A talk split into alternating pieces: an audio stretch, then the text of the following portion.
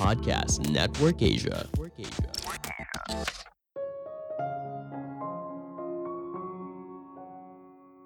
Stres jangan dianggap sepele, bisa berdampak buruk bagi kesehatan.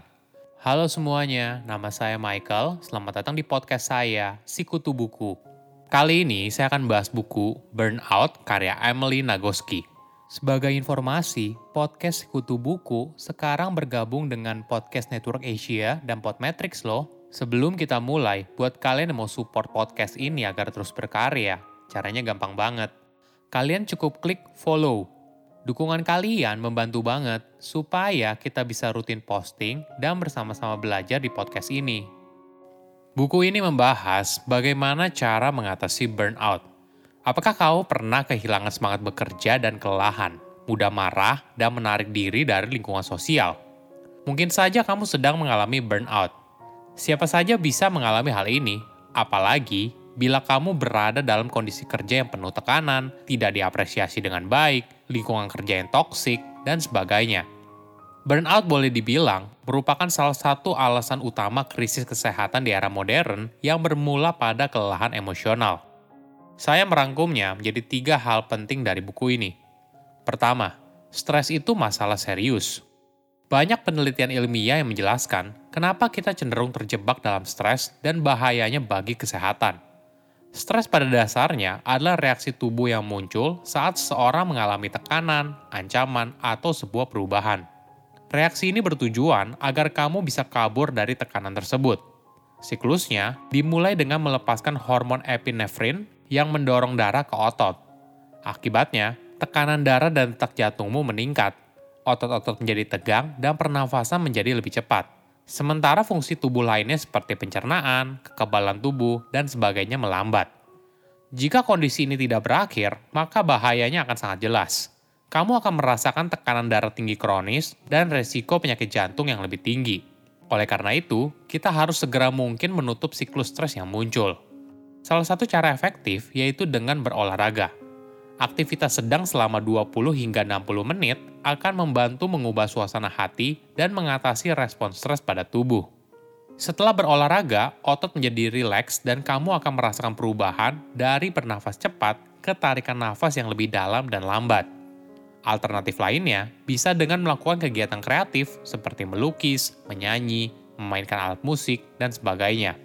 Interaksi sosial yang positif juga bisa membantu dalam menutup siklus stres yang kamu hadapi. Apakah kamu pernah merasa lelah secara emosional?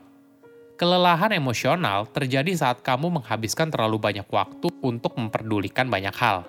Misalnya, terus-menerus berusaha untuk memenuhi tuntutan dan harapan dari diri sendiri, pekerjaan, keluarga, dan lingkungan sekitar. Ini merupakan komponen pertama dari tiga komponen yang dijelaskan oleh psikolog Herbert Freudenberger pada tahun 1975 soal burnout.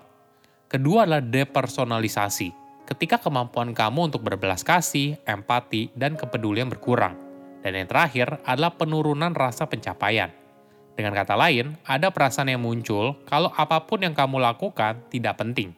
Ibaratnya seperti berada di dalam sebuah terowongan emosi kamu terkuras, dan tanpa kamu sadari, kamu sudah berada di tengah terowongan. Setiap harinya, kamu mengalami emosi yang sulit terus-menerus. Kondisi ini membuat kamu terjebak di dalam terowongan tanpa pernah merasa lega, yang akhirnya membuat kamu burn out.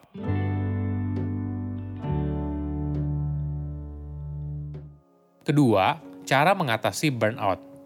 Bagaimana cara kita menghadapi stres? Sebelumnya, kita harus tahu dulu perbedaan antara stres dan stresor, faktor dalam kehidupan manusia yang mengakibatkan terjadinya stres. Misalnya kamu bekerja dalam deadline yang ketat. Perlu kamu ketahui apa yang bisa kamu kontrol atau tidak. Jika memang itu adalah bagian dari pekerjaan, maka kamu bisa melakukan aktivitas harian untuk menutup siklus stres yang kamu hadapi, seperti berolahraga, bermain musik, atau menghabiskan waktu dengan orang yang kamu cintai. Kamu juga bisa mengelola faktor stres yang tidak bisa kamu kendalikan dengan positif reappraisal atau penilaian ulang yang positif. Ini adalah cara kamu melihat situasi yang sulit dari sisi lain dan menemukan peluang yang positif. Namun perlu diingat, latihan ini harus melihat sebuah kejadian dengan fakta yang sebenarnya. Bagaimana dengan faktor stres yang bisa kamu kendalikan? Coba kamu menganalisa situasi apa yang membuat frustasi dan menemukan cara untuk menyelesaikannya atau menguranginya. Ibaratnya kamu menggunakan GPS untuk mencari rute terbaik, mencegah terjebak dalam kemacetan. Ada informasi yang menarik. Istirahat yang efektif juga merupakan salah satu kunci untuk mengatasi burnout. Mungkin kamu sering dengar istilah, what doesn't kill you make you stronger, yang artinya, apa yang tidak membunuhmu akan membuatmu lebih kuat. Ini merupakan istilah yang ketinggalan zaman dan yang membuat kamu kerja hingga kelelahan. Ada perbedaan tipis antara bekerja keras dan overwork.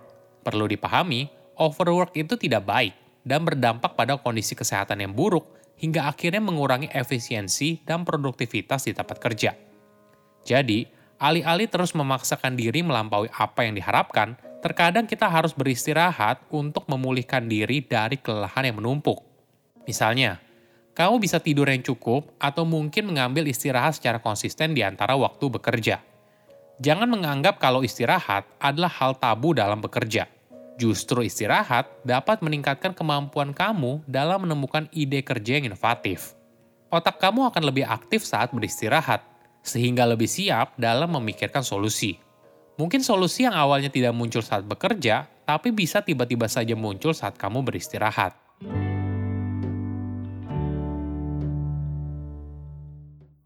Ketiga, hidup itu tidak bisa sendirian. Kita pasti sering dengar istilah self-made millionaire, orang yang mampu menciptakan kekayaannya sendiri.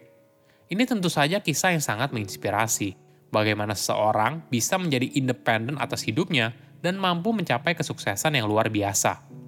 Faktanya, mereka tidak sendirian. Pasti ada orang lain yang membantu mereka di sepanjang jalan menuju sukses. Ini ibaratnya adalah pahlawan yang tidak dikenal namanya – saat masih bayi dan anak-anak, kita pasti bergantung pada orang lain. Namun ketika kita semakin dewasa, kita berpikir kalau kita harus jadi mandiri dan tidak butuh orang lain. Kondisi ini juga tidak ideal. Kita tidak berada pada performa terbaik saat kita kesepian atau menyendiri. Di sisi lain, kita juga tidak bisa berkembang apabila dikelilingi oleh orang lain dan bergantung pada kemampuan mereka. Idealnya berada pada keseimbangan dari dua hal tersebut. Kita perlu merasa terhubung dengan orang lain tetapi di saat yang bersamaan memiliki waktu untuk bisa independen.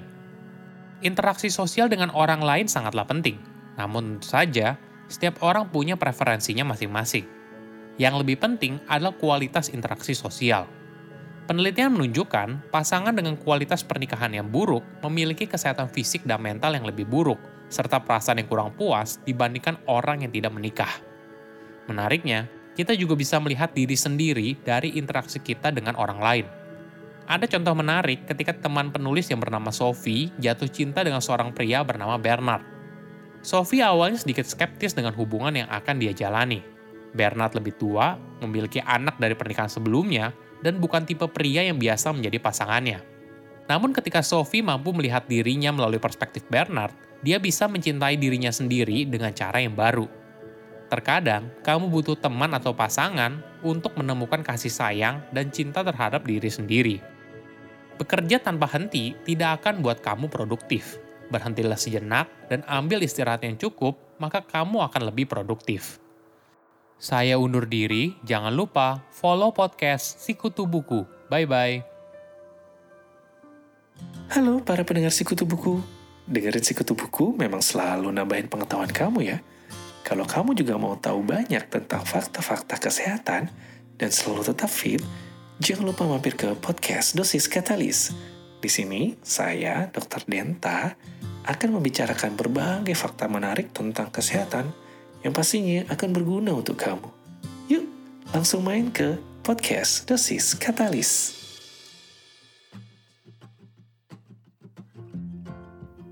Pandangan dan opini yang disampaikan oleh kreator podcast, host, dan tamu tidak mencerminkan kebijakan resmi dan bagian dari podcast Network Asia. Setiap konten yang disampaikan mereka di dalam podcast adalah opini mereka sendiri dan tidak bermaksud untuk merugikan agama, grup etnik, perkumpulan, organisasi, perusahaan, perorangan, atau siapa pun dan apa pun.